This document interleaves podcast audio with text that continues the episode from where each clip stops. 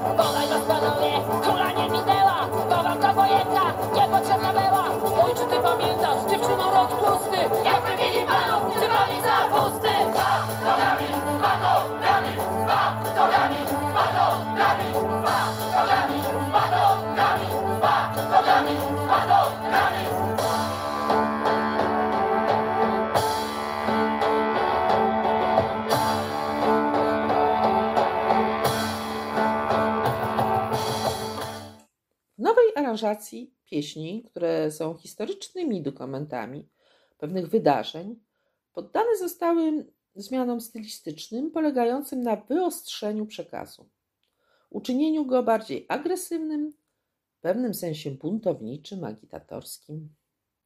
Aktualność tematu podkreślona została wzmocnieniem dramatyzmu i napięciem, który to zabieg skutecznie zwracał uwagę słuchaczy.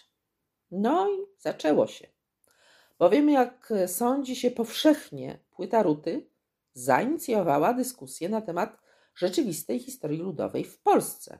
Dyskusji, która rozlewa się obecnie szeroką falą, także w obszarze polskiej nauki. Nieco później, bo w 2013 roku powstał pierwszy feministyczny projekt muzyczny zespołu Pochwalone, inspirujący się motywem ludowej kobiecej skargi i groźby.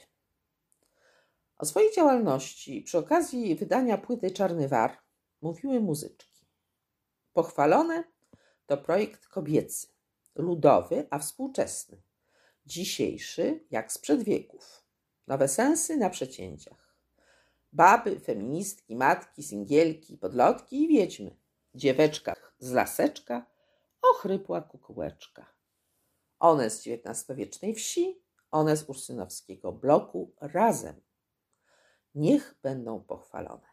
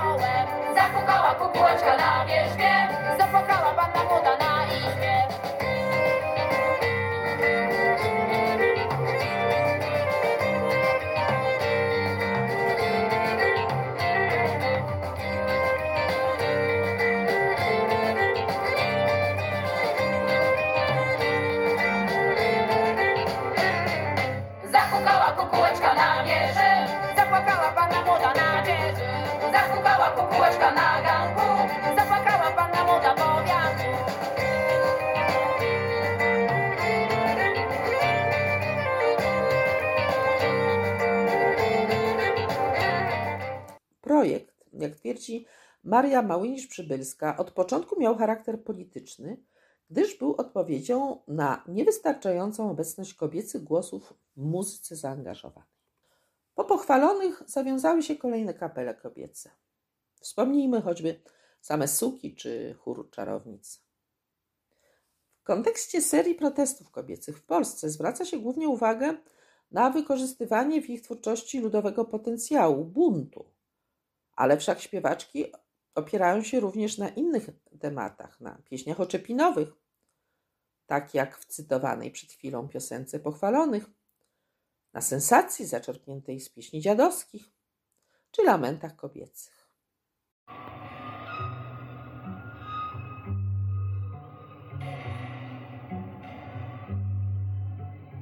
A w niedzielę a w niedzielę z porania szła dziewczyna z kazania. Szła dziewczyna z kazania.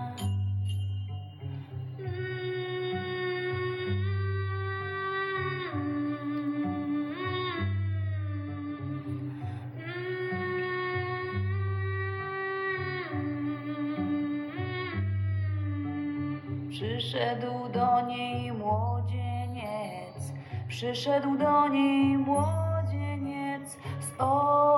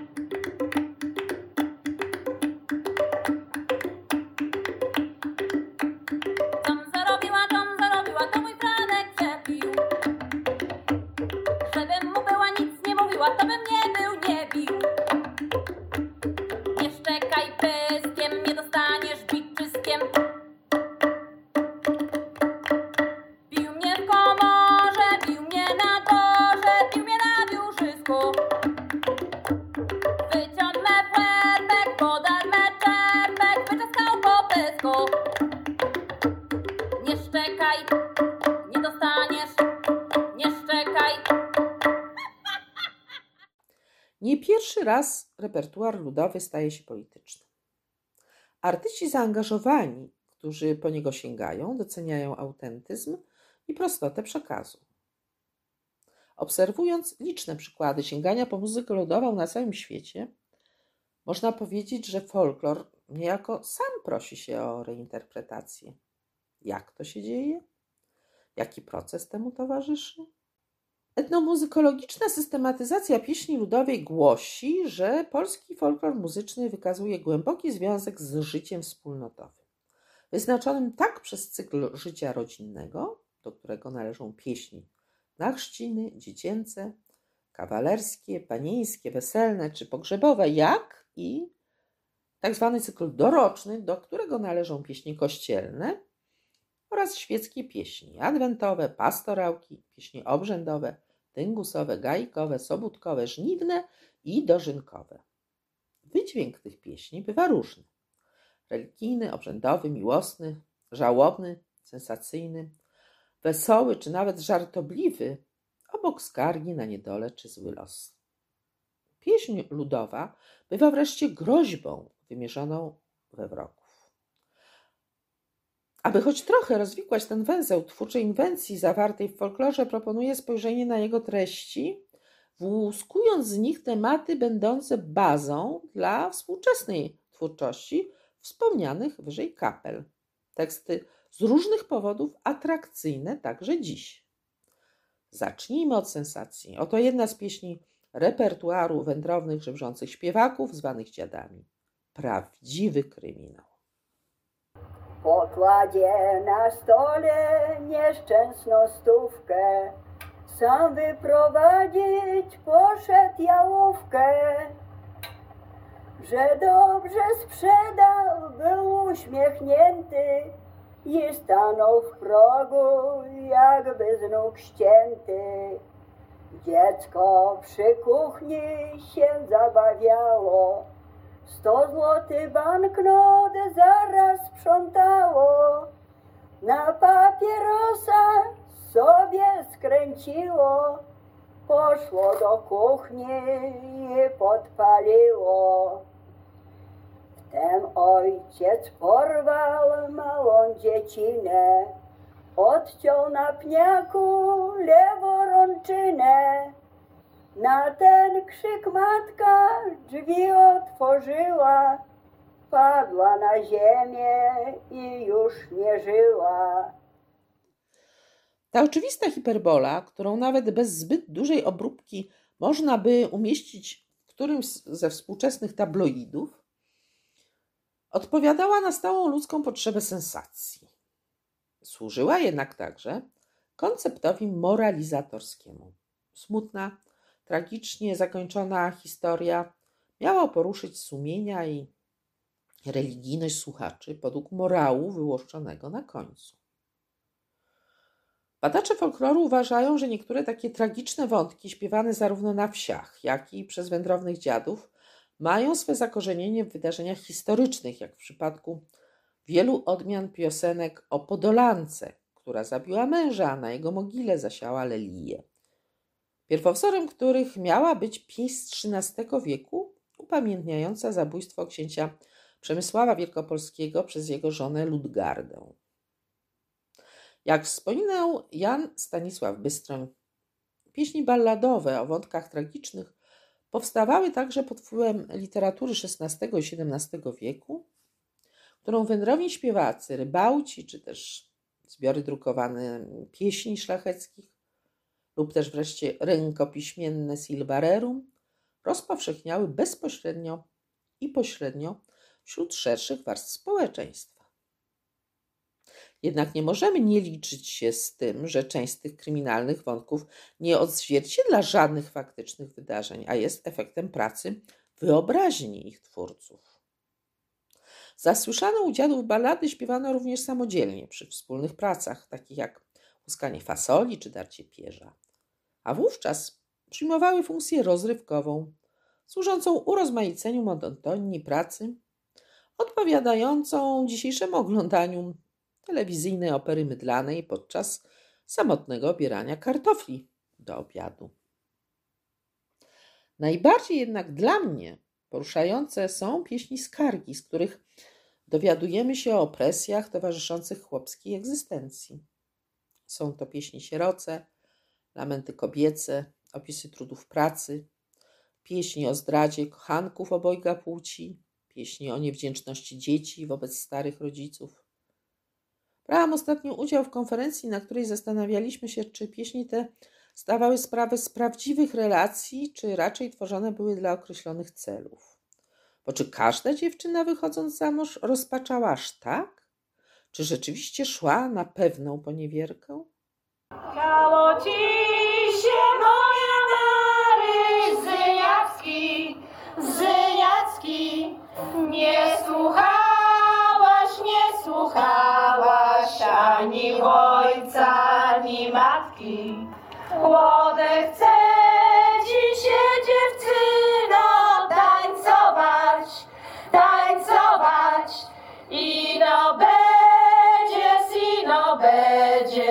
małe dziecię piastować. No tak i ładnie, Marysiu, nie wstydź się. Przejrzyj się Marysiu w czerwonym makówce, a ty ci będzie ładnie w cepecku na główce.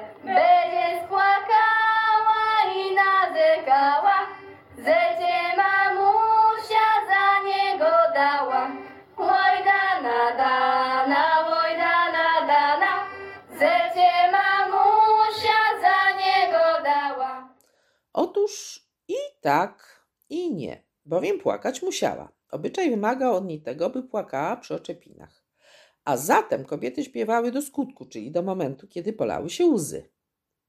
Lecz obok popularnej w Polsce obrzędowej pieśni chmielu, który lasł łunatyczki, notowanej już w X wieku i najprawdopodobniej należącej do przedchrześcijańskiego rytuału ślubnego, pojawiają się przy oczepinach albo zaraz po nich także lamentacje kobiece opisujące trudy małżeńskiego życia.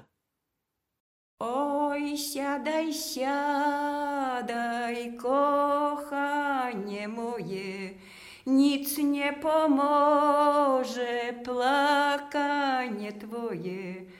Плач твой великий не поможе, паре коні стою в воzie позакладане. Плач твой великий не поможе, паре коні стою в wozie pozakładane.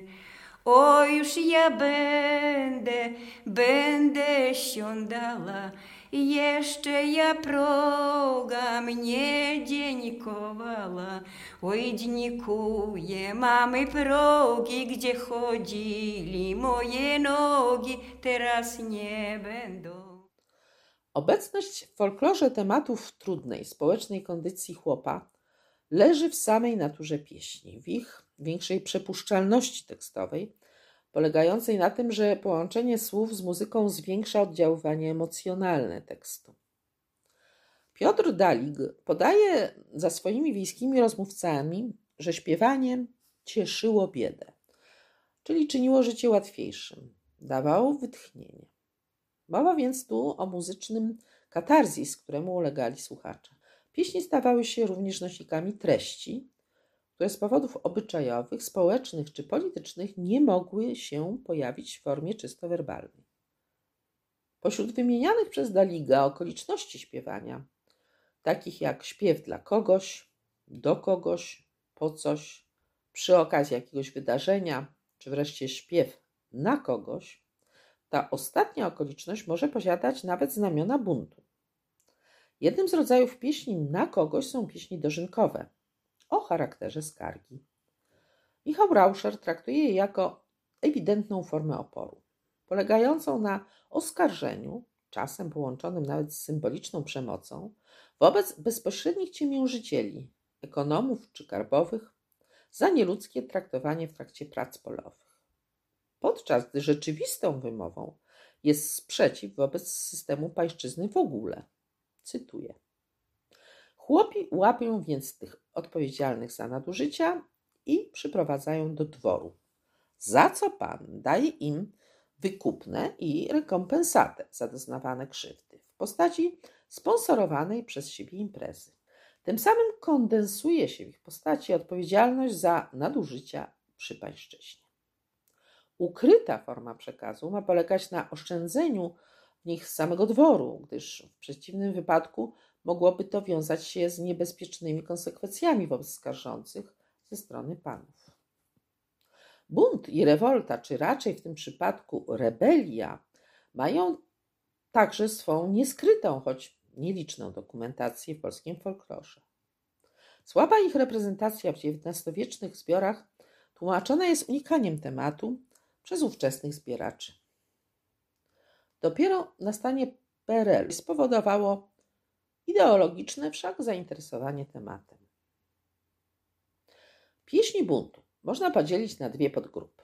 Oporu w postaci groźby lub kpiny z przeciwników społecznych oraz rewolty, gdy opiewają konkretne wydarzenia historyczne, np. pieśń rok 1846, a także wspomnienia konkretnych ludowych herosów. Przykładem tych ostatnich są pieśni o Jakubie Szeli, o księdzu ściegiennym, czy o wymierzających sprawiedliwość zbójcach Janosiku, Doboszu, Łapszunie czy Ondraszku. To oni są najwłaściwszymi postaciami historii ludowej.